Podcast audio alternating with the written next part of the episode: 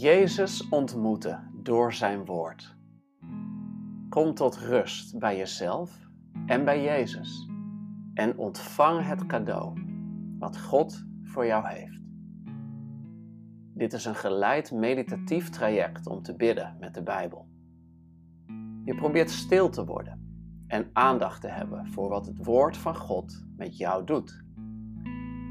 Het voelen met je hart is daarbij belangrijk. Het is een innerlijke reis waarbij je gebruik maakt van al je zintuigen. Aan de voeten van Jezus in gebed zijn. Dat doe ik in deze podcast door middel van de Ignatiaanse methode van gebed, oorspronkelijk ontwikkeld door Ignatius van Loyola, de stichter van de Jezuïeten. Ik gebruik daarbij de tien stappen van het bidden met de Bijbel deze kun je naluisteren in de introductieaflevering. Je kan ze ook lezen in de beschrijving van deze aflevering. Zoek een rustige plek op met een Bijbel en een notitieblok. Adem diep in en adem uit. Hier ben je, aan de voeten van Jezus. We gaan beginnen.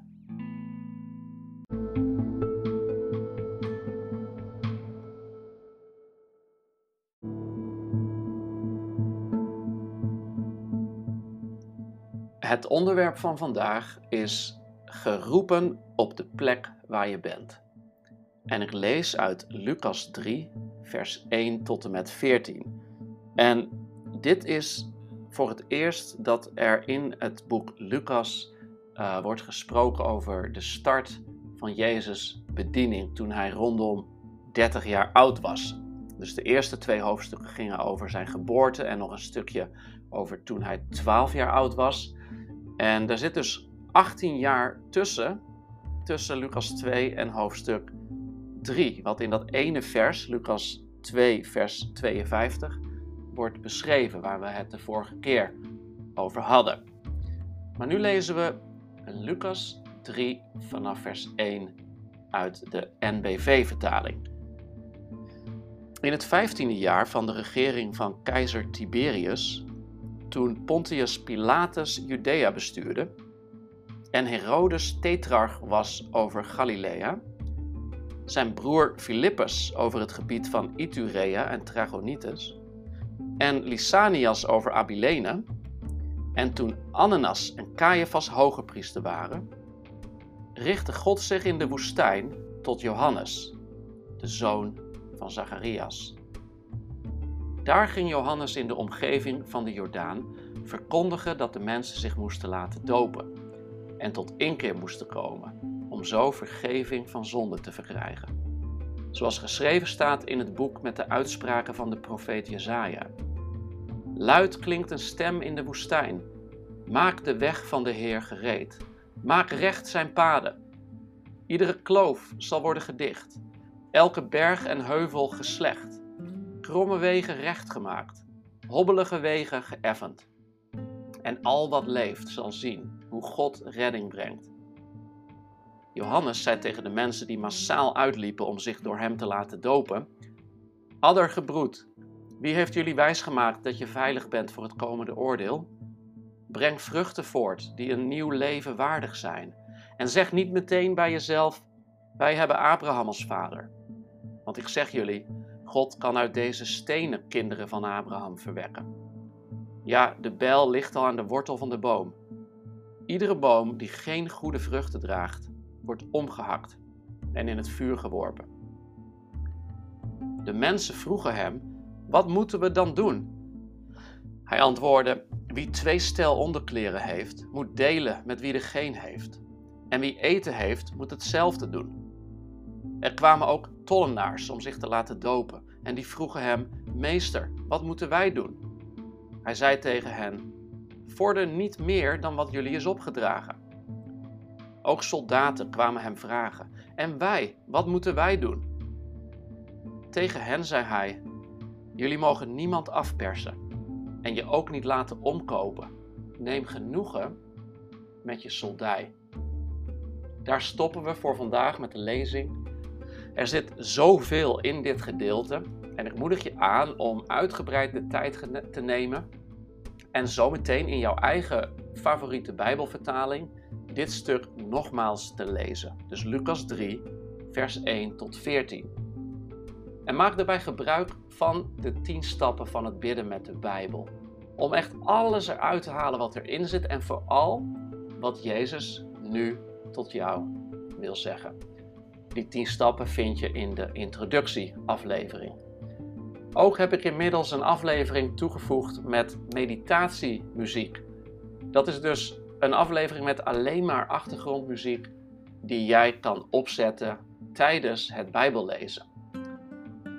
Neem de tijd, zoals ik zei, voor deze 10 stappen en ontvang het cadeau dat God voor jou heeft.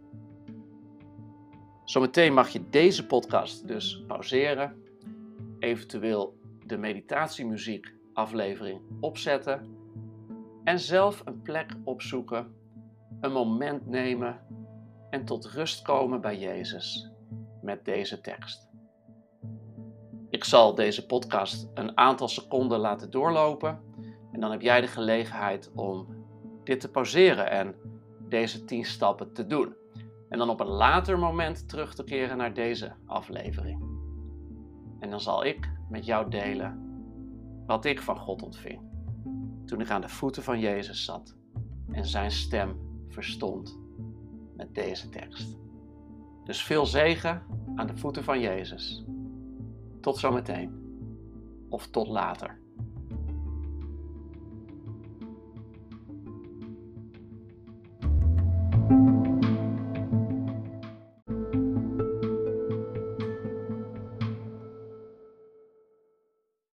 Geloof dat je een mooie tijd hebt gehad met de tien stappen van het Ignatiaans gebed en Lucas 3, het eerste gedeelte.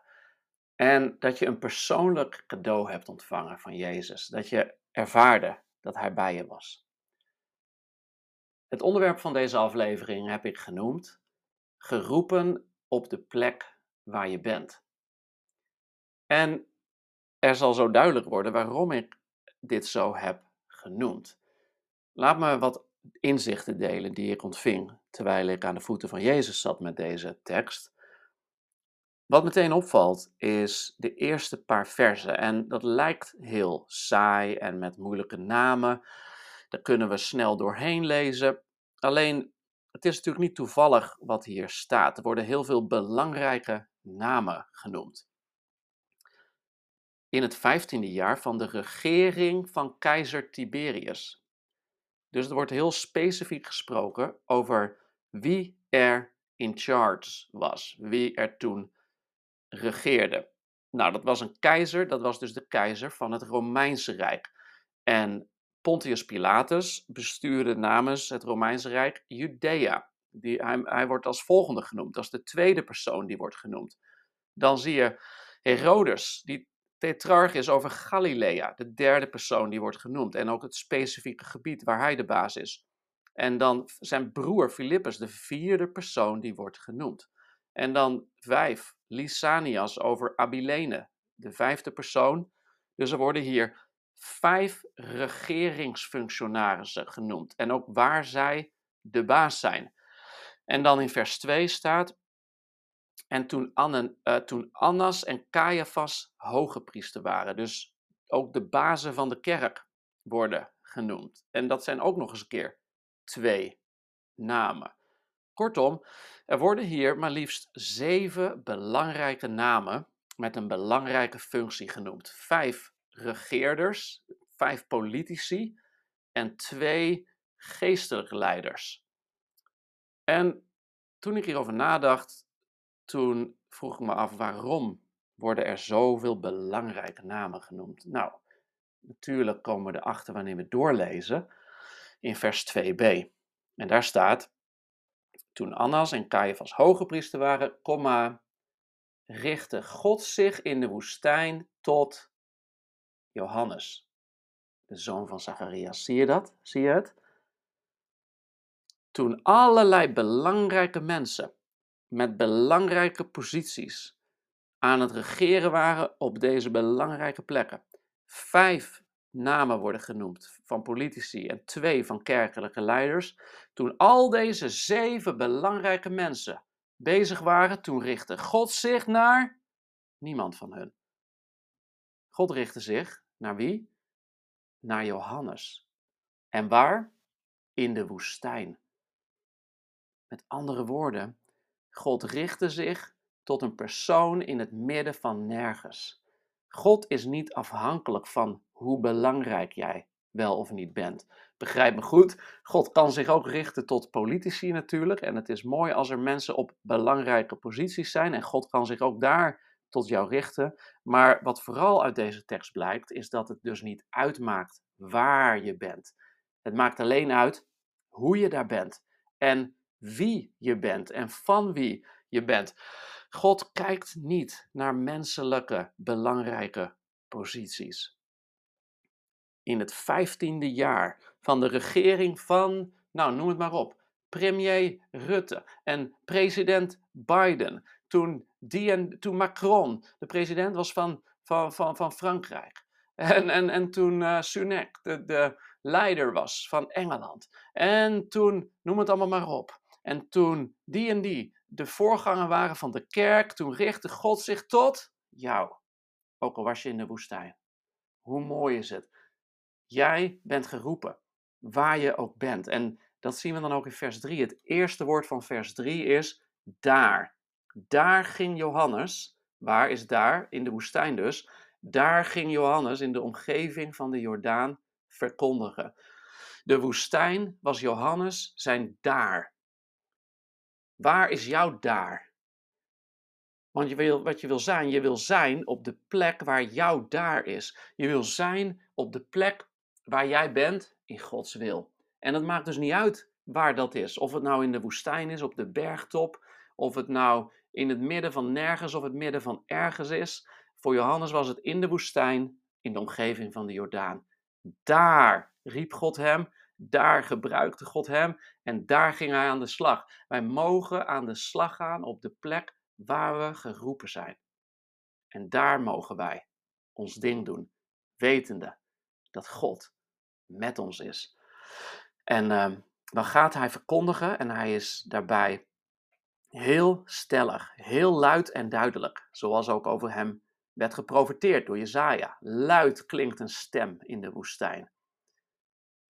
En dan, en dan staat er die profetie, die prachtige profetie, met in vers 5, iedere kloof zal worden gedicht, elke berg en heuvel geslecht, kromme wegen recht gemaakt, hobbele wegen geëffend. Met andere woorden, God is een verbinder. Hij is een bruggenbouwer. En eh, Johannes is ook een verbinder en een bruggenbouwer. Van het oude verbond naar het nieuwe verbond.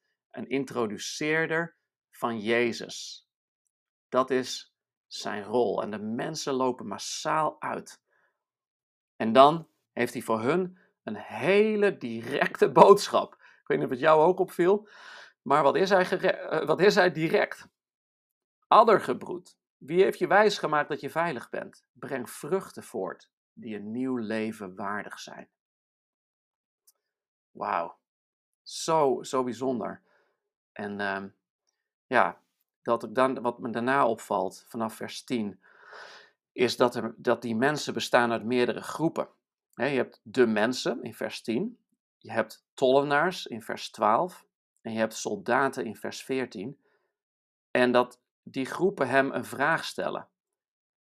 Er, er ligt een kracht in het stellen van vragen. Zij waren onderwijsbaar blijkbaar. Zij vroegen: wat moeten we doen? En weet je, wij hebben heel vaak de antwoorden. Maar geloof dat God ons pas richting gaat geven als we ook vragen stellen. Als we bidden om inzicht en wijsheid. En deze mensen waren wijs. Uh, ze reageerden goed op Johannes' directe uitdaging. Want zij vroegen hem: wat moeten we doen? En wat me vervolgens opviel is hoe praktisch de antwoorden van Johannes waren. dus zij vragen aan hem: wat moeten we doen? En veel mensen zien Johannes als een profeet en dat is hij ook. En dan zou je misschien hele geestelijke antwoorden verwachten. Wat moeten we doen? Nou, uh, lees je Bijbel en bid elke dag. Wat moeten we doen? Nou, uh, vergeef iemand. Uh, wat moeten we doen? Nou, zorg dat je gedoopt wordt in water of in de Heilige Geest. Hij, geeft helemaal geen geestelijke antwoorden. Hij geeft praktische antwoorden. Hij geeft koninkrijksprincipes. Hij is een stem niet voor de kerk, maar voor de hele maatschappij. Wie, twee stel onderkleren heeft, moet, moet delen, zegt hij tegen de mensen. En in vers 12 komen de tollenaars, die vragen wat moeten we doen. Tollenaars, dat zijn mensen die samenwerkten met de Romeinen, die werkten voor de Romeinen om belasting te heffen. En wat deden ze? Ze deden daar een schepje bovenop, zodat ze zelf ook een luxe leventje konden leiden. En hij zegt tegen hun, vorder niet meer dan wat jullie is opgedragen. Met andere woorden, wees eerlijk. Het is heel praktisch. En de soldaten komen en die zeggen: Wat moeten wij doen? En hij zegt: Jullie mogen niemand afpersen en je niet laten omkopen.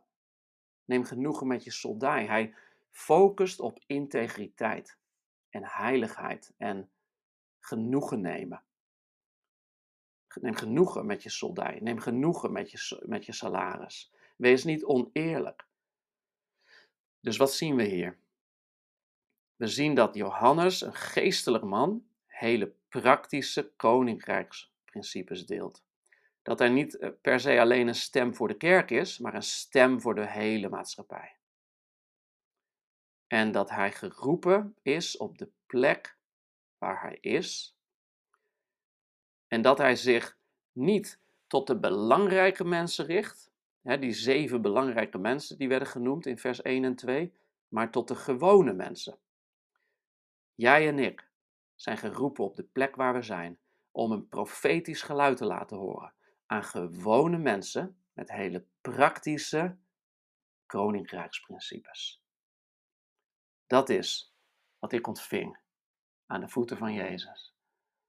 En ik leg een vraag bij jou neer. Waar ben jij geroepen? Wat is jouw plek? Wat is jouw daar? En welke koninkrijksprincipes mag jij daar verspreiden?